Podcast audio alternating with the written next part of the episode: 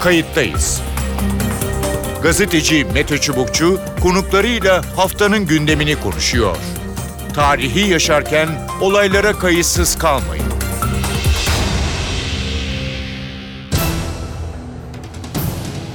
İyi günler bir kayıttayız programıyla daha karşınızdayız. Tarihe ışık tutmak ve olan biteni anlamak için önümüzdeki dakikalarda sizlerle birlikte olacağız. 2019'un ilk programında ben Mete Çubukçu, editörümüz Sevan Kazancı. 2019'un ilk kayıttayız programında Suriyeli mülteciler algısını konuşacağız. Savaştan kaçan, kaçmak zorunda kalan, Türkiye'ye gelen ve sayıları 4 milyona yaklaşan Suriyelilerle ilgili farklı yorumlar söz konusu. Başta sosyal medya olmak üzere birçok mecrada tartışmalar devam ediyor. Bu tür platformlarda Suriyelilerin varlığından rahatsız olanlar kadar birlikte yaşamı savunanlar da söz konusu. Bu tartışma yılbaşı gecesi özellikle Taksim'de kutlama yapılması üzerinden ilerliyor. Türk halkı Suriyeliler hakkında ne düşünüyor? Eğitim kolaylığı, vergi muafiyeti, sağlıkta bir dizi avantaj gibi kendilerine sağlanan haklar da var mı Suriyelilerle ilgili? Mültecilere dönük tepkinin kaynağı ne? Sosyal medya toplumun genelini yansıtıyor mu? Suriyeliler kendilerine yönelik davranışlardan rahatsız mı? Tüm bu soruları iki konuğumuzla konuşacağız. Kayıttayız'ın konuğu Profesör Nürfer Narlı. Nürfer Narlı Bahçeşehir Üniversitesi Sosyoloji Bölüm Başkanı. Nürfer Hanım hoş geldiniz programımıza. Hoş bulduk. İyi yayınlar diliyorum. Çok teşekkür ediyorum. E, kayıttayız e, bu yılın ilk programını. E, yılbaşı gecesi e, özellikle sosyal medya üzerinden başlayan e, bir tartışma e, üzerine kurdu. E, sadece o değil tabii ki sayıları yaklaşık 4 milyona varan Suriyeli, mülteci, misafir artık ismini ne koyacaksak larla ilgili bir tartışma. Ne dersiniz? Herhalde siz de gördünüz bir grup Suriyeli, Suriye vatandaşı kutlama yaptı ve onun üzerine büyük bir tartışma başladı. Buna karşı çıkanlar, bunu savunanlar, normal olduğunu e, söyleyenler. İsterseniz buradan e, başlayalım. E, birkaç yıl önce bu tartışmalar çok fazla yoktu. Çünkü bazıları e, gerçekten e, yani bir e, düşmanlığa kadar varan cümleler de içeriyordu bu tartışmada. Evet. Buyurun. Ee, öncelikle e, şunu şu rakamlarla başlamak istiyorum. Şu anda hı hı. E, geçici koruma altında olan Suriyelilerin sayısı, kayıtlı sayısı 3.6 milyon küsür. Hı hı. Fakat geçici koruma altında kayıtlı olmayanların da e, sayısının e, yüksek olabileceğini düşünüyorum. Bu sayıyla ilgili herhangi bir fikrim yok. Şöyle ki biz e, Zeytinburnu'nda bir anket yaptık. Bu anketimizde evet. Türkiye'de e, son 3-4 yıldır Türkiye'de yaşamasına rağmen geçici e, koruma statüsü altında kayıt yaptırmamış yüzde on beş gibi bir e, örneklem bulduk. Bu Hı. sadece Zeytinburnu örneği. Hani buradan bir genelleme yapmak çok zor ama bu veriyi de paylaşmak istedim. Evet. Şimdi Suriyelilerle ilgili tutumlara e, geldiğimiz zaman Suriyeliler ilk geldiği zaman Türkiye'ye 2011 yılında biliyorsunuz ilk girişi yaptılar. Hı. Sayıları 2013 yılında 300 bindi. 2014 yılında bir anda 1 milyonun üzerine çıktı. Ondan sonra e, bu rakam çok hızlı bir şekilde yükseldi.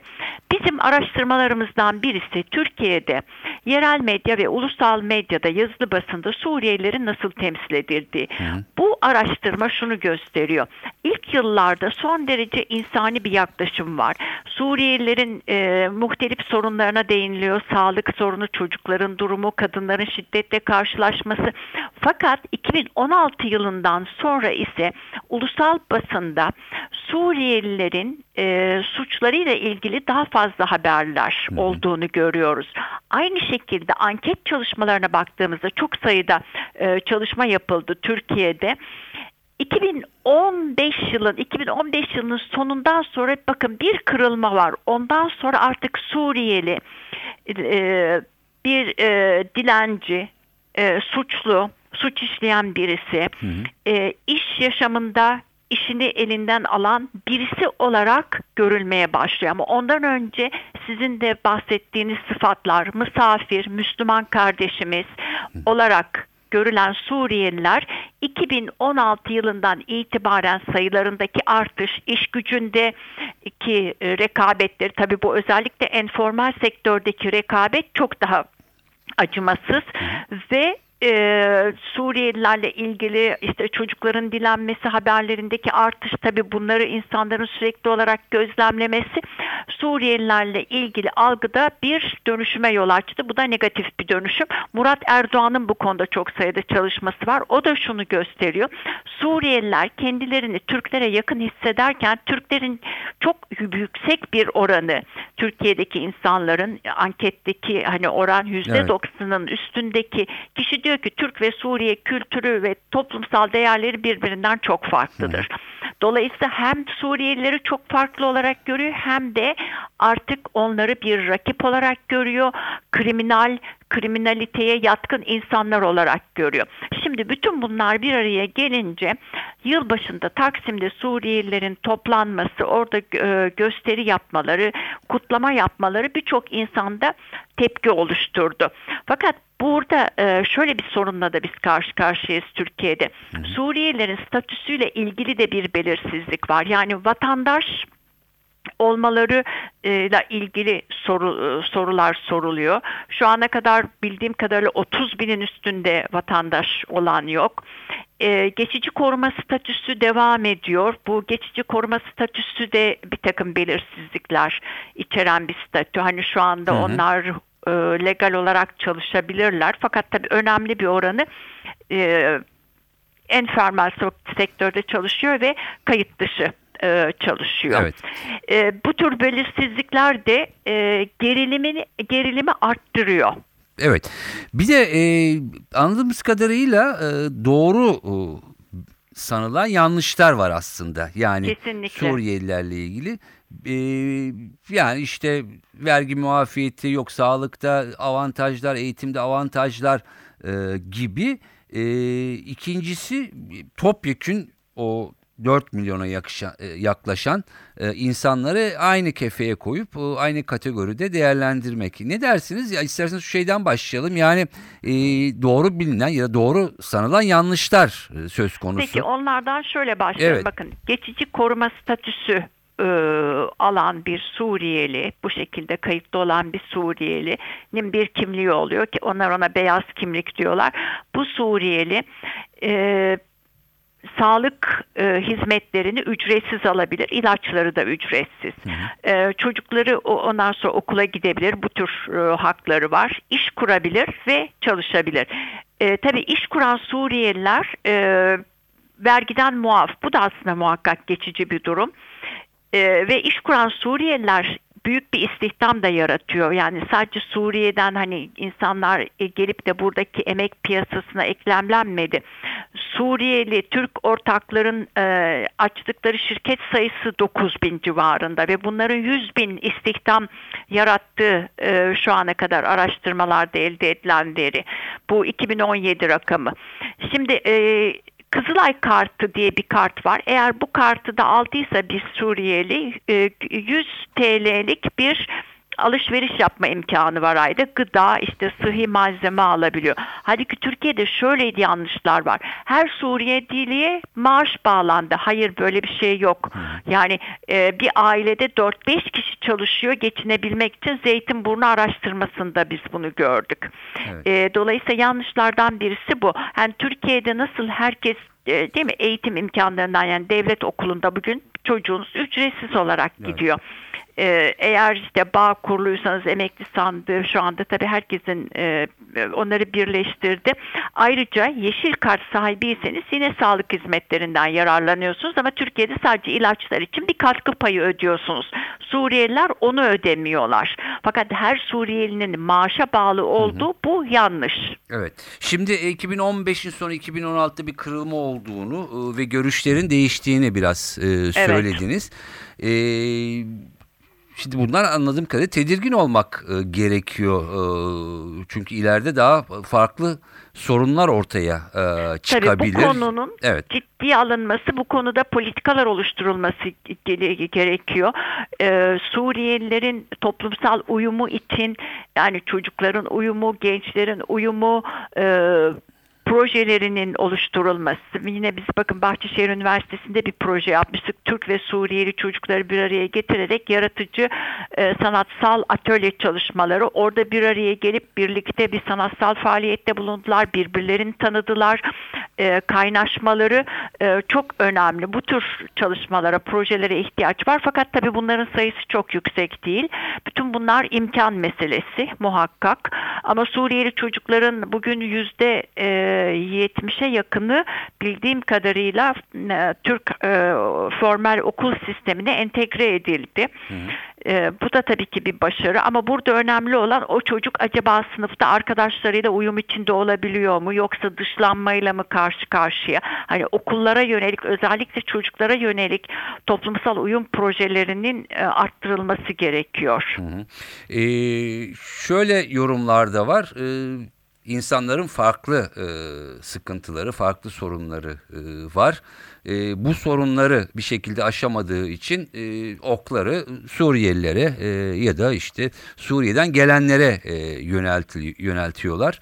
E, bu da tabii e, yani e, bir noktadan e, sonra işte yani yabancı düşmanlığından başka bir noktaya doğru gidebilecek e, aslında tehlikeli bir durum da e, ortaya çıkarıyor. Ne dersin? Evet ama şöyle insanların hani e, sadece e, e, eleştirilerini bir yere yöneltemedikleri için Suriyelilere yöneltiyorlar. Bilemiyorum bu argüman bana çok e, tutarlı gelmedi. Tabii bir araştırma yaparak bizim bütün bunları e, test etmemiz, hani bu hipotezleri test etmemiz gerekiyor. E, şu çok önemli. Türkiye'de işsizlikteki artış, e, Suriyelileri iş piyasasında rakip olarak görme, e, ayrıca e, bir topluma hani kısa bir sürede 3-4 yıl gibi bir sürede çok yüksek sayıda e, göçmenin gelmesi, göçmen diyorum tabii Evet. göçmen, mülteci çok farklı Tabii. e, terimler kullanabiliyoruz. Bakın bunun da yarattığı bir e, şok var. Hani o şokun da e, tesiriyle e, insanlar Suriyelilere öteki e, olarak bakıyor olabilirler ve e, kıt kaynakların paylaşımında her zaman e, gerilim artıyor. Peki. Türkiye'de tabii ki iş sahibi yani iş bulmak e, şu anda hani işsizliğin olduğu bir ülkede iş çok kıt. Dolayısıyla kıt kaynaklar e, gerilimleri arttırıyor. arttırıyor. Peki son şunu sormak istiyorum. Kısa da bir cevap e, Tabii. rica edeceğim. E, şimdi genel yapılan istatistikler aslında e, en az üçte birinin geri dönmeyeceğini yani savaş bitse Suriye'de barış sağlansa evler yapılsa vesaire bile üçte bir burada kalır. Bu olur mu olmaz mı bilmiyorum. E, sizin yaptığınız araştırmada yani Suriyelilerin dönüp dönmeme konusunda yaklaşımları nasıldı? benzer bir rakam. Ee, hiçbir şekilde Suriye'ye dönme planı yapmayanların oranı yüzde 28 yani hiçbir şekilde Suriye'ye dönme planı yapmıyor. Ama e, bir başka küçük grup işte e, Esad giderse dönebileceğini e, söyleyenler yani o şekilde bir şart koyuyor. Ayrıca benim gözlemim çocukların buraya alıştıkları çocukların gitmek istememesi bazı ailelerde diyor ki şimdi çocuklarımız artık burada Türkçe öğrendi okula gidiyor. Hani bunu özellikle orta sınıf Suriyelilerde görebiliyorsunuz. İşte çocuklar için geri dönmeyebiliriz. Ama tabii ki geri dönmek isteyenler de var ve vatan hasreti çektiklerini e, söyleyenler de var. Ama o üçte bir rakamın Türkiye'de kalabileceğini düşünmek oldukça realist. Birçok araştırmada benzer bir rakamla karşılaşıyoruz. Evet e, umarız bu tür araştırmalar e, yoğunlaşır. E, tabii ki akademinin e, devletin farklı kademeleriyle ilişkileri e, muhtemelen devam ediyor. Bu bilgiler ışığında da e, tabii ki Kesinlikle. e, Türkiye Cumhuriyeti Devleti de herhalde 5 yıllık 10 yıllık e, farklı planlar da hayata geçirecek gibi görünüyor. Çok teşekkür ediyorum programımıza Ben katıldığınız teşekkür için. ederim. İyi günler Sağ diliyorum. mersi. Kayıttayız'ın konuğu Profesör Murat Erdoğan. Murat Erdoğan Türk-Alman Üniversitesi öğretim üyelerinden ve Türkiye'de göç araştırmaları konusunda birkaç isimden e, birisi. E, hoş geldiniz programımıza. Çok teşekkür ederim Mete Bey. İyi yayınlar. E, bi- bir haftadır bir tartışma yaşanıyor Taksim'deki kutlamalardan dolayı. E, işte Suriyelilere tepki gösterenler, savunanlar, misafirimiz e, diyenler, e, son iki yılda Türkiye'de bakışın değiştiğini e, söyleyenler ne dersiniz? Bir e, algı e, değişiyor mu? E, bakış açıları farklılaşıyor mu? Daha da ilerleteyim. Yani bir düşmanlık, e, yani yabancı düşmanlığına varan bir tepki mi ortaya çıkıyor? Ne dersiniz? Mete Bey bana kalırsa aslında bugüne kadar birçok e, olması tahmin edilen, beklenilen olaylardan epeyce uzakta kaldık. E, yaşanan olay bir şok durumu. Yani dünya tarihinde görülmemiş e, büyüklükte ya da görüldüğünde bile çok ender görülenlerden birisi. Kendi tarihimizde hiç yaşamadığımız bir süreç yaşadık biz son 6-7 yılda. E, 2011 yılında e, Türkiye'de sadece 58 bin mülteci varken birdenbire bu sayı Sur ve Suriyeli olmayanlarla birlikte 4 milyonun üzerine çıktı. Yani 70 kattan daha fazla artmış oldu. Evet. E, daha vahimi e, ve insanları daha tedirgin eden şeylerden birisi hala e, tam olarak sayının ne olduğu bilinmiyor ve sayılar artmaya devam ediyor. E, bu dünyanın birçok toplumunda e, kolay kolay kabul edilebilecek, anlaşılabilecek bir, bir durum değil ama bizde hayat bir biçimde kendi akışında devam ediyor. E, dolayısıyla bu şok durumla toplum yüzleşmeye çalışıyor. Toplumun ilk yıllardaki tepkilerinin sınırlı kalmasının en önemli kısmı şuydu. Suriye'de bir savaş var. İnsanlar savaştan geldiler. E bir süre sonra da savaş bitecek ve insanlar evlerine dönecekler. Şimdi tepkilerin artmasının en önemli sebeplerinden birisi artık bunlar gitmeyecekler olgusunun insanlara yerleşmesinden kaynaklanıyor. Yani bu duygunun kırılması insanların geleceğini paylaşmak konusundaki tereddütleri, tedirginlikleri çok net bir biçimde kendisini ortaya koymaya başladı. Aslında bunun e, dediğim gibi bir şok, e, toplumsal şokla karşı karşıyayız. Türkiye nüfusunun %5'ini aşan bir kitleyle e, bir arada yaşamaya başladık. Türkiye'nin her tarafındalar. Sadece sınır bölgelerinde değiller. Evet. Büyük kentlerde yaşıyorlar. Sadece kamplarda yaşayanların oranı %3,5'a düştü. Dolayısıyla biz bunlarla bir arada yaşıyoruz. 600 bin üzerindeki çocuk okullara gidiyor. E, 1 milyondan fazla Suriyeli çalışıyor Türkiye'de. E, olağanüstü büyük e, rakamlar var. Yani bu rakamları gördüğünüzde toplumda bu tip e, gerginliklerin ya da tedirginliklerin olmasını yadırgamamak lazım diye düşünüyorum ve bunları da hemen böyle faşistlikle, ırkçılıkla vesaire de etiketlemenin de çok doğru olduğunu düşünmüyorum ben. Hı hı. E, asıl burada önemli kırılma noktası şu bence. E, iki sene öncesine kadar Türkiye'de Suriyelilerle ilgili muhalif ağızlar, mültecilerle ilgili muhalif ağızlar genelde hükümete muhalif olanlardı. Evet. Yani hükümet bu konuyu yanlış yaptı, Suriye politikasında yanlışlıklar yapıldı, onun için ülkemize bu kadar mülteci geldi, dolayısıyla bunun sorumlusu hükümettir ve mülteciyi eleştiren aslında hükümeti eleştirmeye çalışırdı.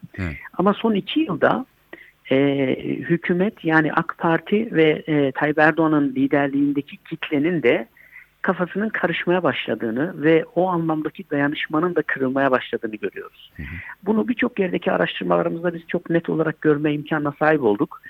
En son Şanlıurfa'da bir çalışma yaptık. Orada da bunu gördük. Evet. Ee, asıl kırılma bence orada yaşanıyor. Çünkü öyle ya da böyle bugüne kadar Türkiye'deki Suriyelilerin Türkiye'deki hareketlerinde, davranışlarında, toplum tarafından kabulünde e, başta Cumhurbaşkanı Erdoğan olmak üzere AK Parti'nin ve hükümetin bu konudaki tavrı önemliydi. Hı. Ama dikkat ederseniz son bir senedir özellikle Afrin operasyonundan sonra direkt Cumhurbaşkanından, hükümet üyelerinden, en son meclis başkanımızdan bunlar evlerine gidecekler. Hatta göndereceğiz söylemleri dolaşmaya başladı. Hı hı. Çünkü siyaseten e, siyaseti okumak biraz da böyle bir şey. Toplumdan gelen tepkiler nihayet ulaşmaya başladı. Ve onun içinde bunların gönderilmesine yönelik bir takım müzakereler ya da politikalar üretilmeye çalışılıyor. Ama bunun ne kadar başarılı olacağı apayrı bir tartışma evet. konusu. Ve bu bir tarafta e, bugüne kadar liderimiz böyle söylüyor, biz öyle davranmalıyız diyen insanların sabrında bir aşınma yarattı diye düşünüyorum. Peki. Yani böyle bir dönüşüm var. Ee, muhtemelen siz de çok araştırma yapıyorsunuz e, biliyorum. E, bir realite de var. E, evet yani Suriye'de umarız e, bir an önce barış sağlanır. En azından büyük bir kısmı kendi ülkelerine, topraklarına dönme imkanına kavuşur. Ama dönmeyecekler de var. Bunu da biliyoruz. Dolayısıyla burada da herhalde yeni politikalar hayata geçirip ve Türkiye toplumuyla bunu da paylaşmak gerekiyor. Çünkü artık bir sosyolojik gerçek. E, Türkiye toplumunun bir parçası olmaya e, aday e, bir kitle de var. Öyle değil mi? E, kesinlikle öyle. Şimdi bakın e, Suriye'deki savaşı siz de yakın takip ediyorsunuz. E, Amerika'nın çekilme kararı bile e, herkesin e, bir şok içinde karşıladığı nereye gideceği belli olmayan bir şey. Hatta bazıları diyor ki Suriye'deki savaş asıl şimdi başlıyor. Şimdi Suriye'de öyle bir savaş var ki Suriyelilerin dışında herkes o savaşın içinde. Karar verilecek toplantılara bakıyorsunuz. İşte Almanya, Rusya, Türkiye, Fransa bir araya geliyor. Ne için bir araya geliyor? Suriye'nin geleceği için karar vermeye. Suriyeliler yok orada. Şimdi dolayısıyla bir mülteci gözünden Suriye'ye baktığınızda Suriye'de kısa orta vadede bir çözümün çözüm olsa bile istikrarın, huzurun ve refahın geri gelmesi çok zor görünüyor. Mültecinin buradan oraya kalkıp gidebilme motivasyonu şu an yerlerde sürünüyor. Eğer mülteciler sadece sınır bölgelerinde olsalardı, sadece kamplarda yaşıyor olsalardı ve kriz kısa zamanda bitseydi geri dönme eğilimleri tabii ki olurdu. İnsanlar evlerinde yaşamak isterler ama Suriye'de durum tamamen değişti. Oraya gittiklerinde kendilerini bırakın Suriye devletinin, Suriye toplumunun bile karşılamakta güçlük çekeceğini bile biliyorlar. Bunu bizimle paylaşıyorlar. Çünkü orada başka bir ortam oluştu. Oraya gittiklerinde biz burada savaşırken siz Türkiye'den nargile içiyordunuz olacaklar. Dolayısıyla birçok insanın Suriye'ye gitmekle ilgili motivasyonu inanılmaz bir biçimde düşmüş durumda. Hı hı. Türkiye'de şu an doğan Suriyeli bebek sayısı 400 bini aştı. Böyle bir e, ortamda bu insanların geri gitmesini zorla yapabilmeniz imkanınız yok. Gönüllü geri dönmelerini beklemeniz lazım. Geri, gönüllü geri dönmenin de çok sınırlı olduğunu görüyoruz. Şimdi biz haberlerde falan bazen görüyoruz. Bugün hatta ben NTV'de de öyle bir haber gördüm ama unutmamak lazım ki bunlar çok mikro. Yani 270 bin kişinin geri döndüğünden söz ediyoruz. Açın bakın 2018 yılında yeni kayıtlanan Suriyeli sayısında neredeyse bunun kadar bir Suriyeli sayısı var. Hı hı. Yani geri dönen olacak, mutlaka olacak ama bunların sayıları çok minimal kalacak görünüyor. Onun için de evet. sorunun başına dönüyorum. Yapmamız gereken şu. Böyle bir toplumla bir arada yaşayacaksa kendi huzurumuz için öncelikle yani bunu da özellikle altını çiziyorum bazen bu da yanlış anlaşılıyor. Kendi huzurumuz için ne yapmamız gerektiğine bakmamız lazım. Yani okula gitmeyen çocuk artık sadece Suriyeli ailenin bir çocuğu değil. Evet. O çocuk aynı zamanda bizim sorunumuz. Evet. Doğru düzgün iş bulamayan, emeği sömürülemeyen insan sadece onun sorunu değil, sonra bu başka türlü bir öfke olarak bize dönüyor. Dolayısıyla uyum politikaları riskli politikalardır. Çünkü uyum politikası yaptığınızda kalıcılığı teşvik etmiş olursunuz. Onun için uyum politikalarından kaçınılması makul, anlaşılır bir şey. Hı. Ama eğer geriye gidiş dönüş imkanı kalmadıysa siz uyum politikalarından kaçtıkça sorunlar büyümüş oluyor ve onları geri getirmenin maliyeti çok daha zorlaşıyor. Onun için elimiz mahkum. Tamam geri gitmeleriyle ilgili uluslararası kontekste çalışmalar yapılacak. Yapılmaya devam etmemiz lazım. Ama kalacaklarmış gibi düşünüp eğitimleri başta olmak üzere Suriyelilerin Türkiye'de Türk toplumununla birlikte huzur içinde yaşamasının çerçevesini oluşturmamız gerekiyor. Yani en pragmatik çözüm mümkün olduğunca yerel düzeyde uyum çalışmalarını güçlendirmek yerel otoritelere, belediyeler olur, valilikler, kaymakamlar olur biraz daha güç vermek hı hı. ve onların bu konudaki hareket alanını güçlendirmek. Peki. Benim şu aşamada görebildiğim temel çözüm bu. Peki e, siz e, onlarla da konuşuyorsunuz. Farklı kentlerde biliyorum yap, araştırmalar yapıyorsunuz. Onlar e, biraz önce bahsettiniz bir kısmıyla da e, ne düşünüyorlar? E, burada kalalım, e, entegre olalım, e, burada e, yaşayacağız ya da vesaire. Yani nedir e, size en azından birebir görüşmeler de yapıyorsunuz. Tabii tabii. Yani bizim en son e, geçen ay tamamladığımız bir e, çalışmamız oldu Şanlıurfa'da. Ee, mesela diyoruz ki Şanlıurfa'daki Suriyelilere siz kendinizi burada topluma uyum sağlamış görüyor musunuz diye. %97'si evet diyorlar. Yani kendilerini aslında Burası. Türk topluma gayet uyum sağlamış gibi Enteresan, görüyorlar. Evet. Ee, ama burada zaten bir gar- gariplik var. Çünkü Urfalılara sorduğunuzda buradan uyumsuz olduklarını, sorun yarattıklarını, kendi huzurlarını kaçırdıklarından falan şikayet ediyorlar.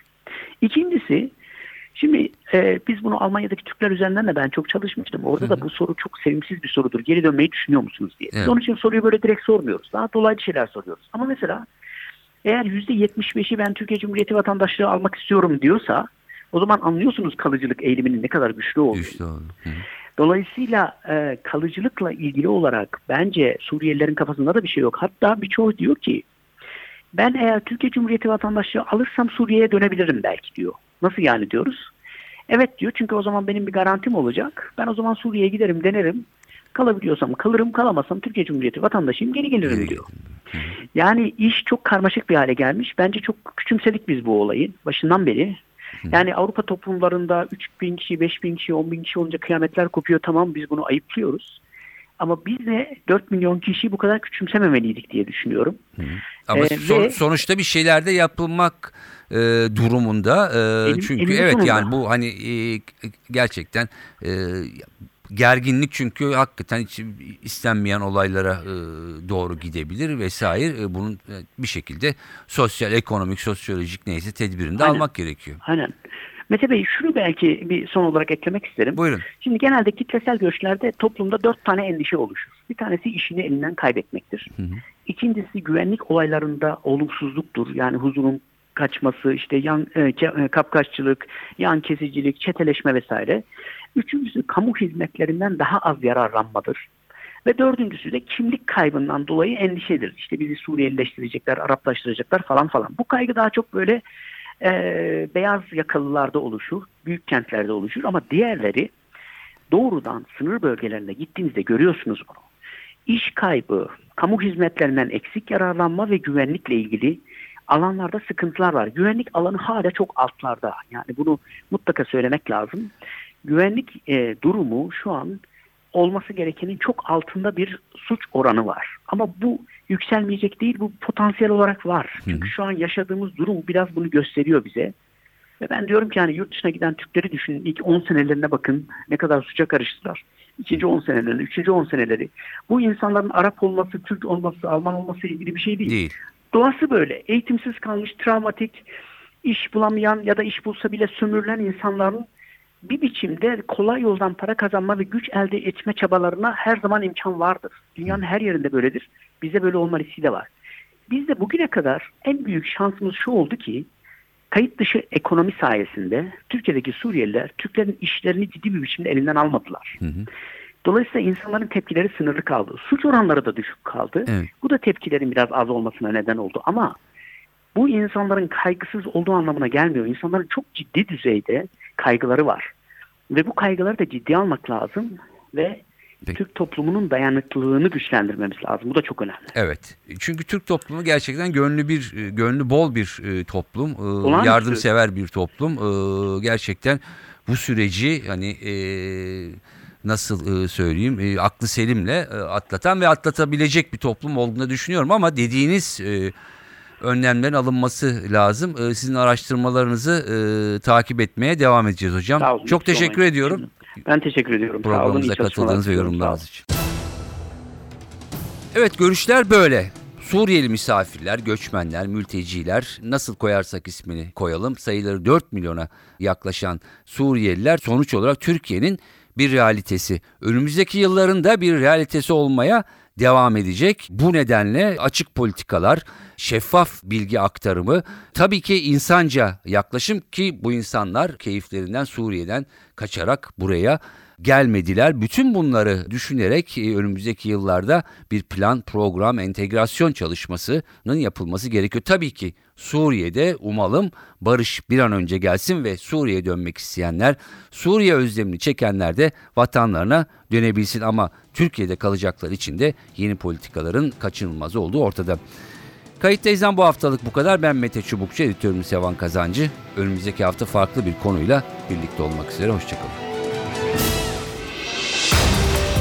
Kayıttayız. Gazeteci Mete Çubukçu konuklarıyla haftanın gündemini konuşuyor. Tarihi yaşarken olaylara kayıtsız kalmayın.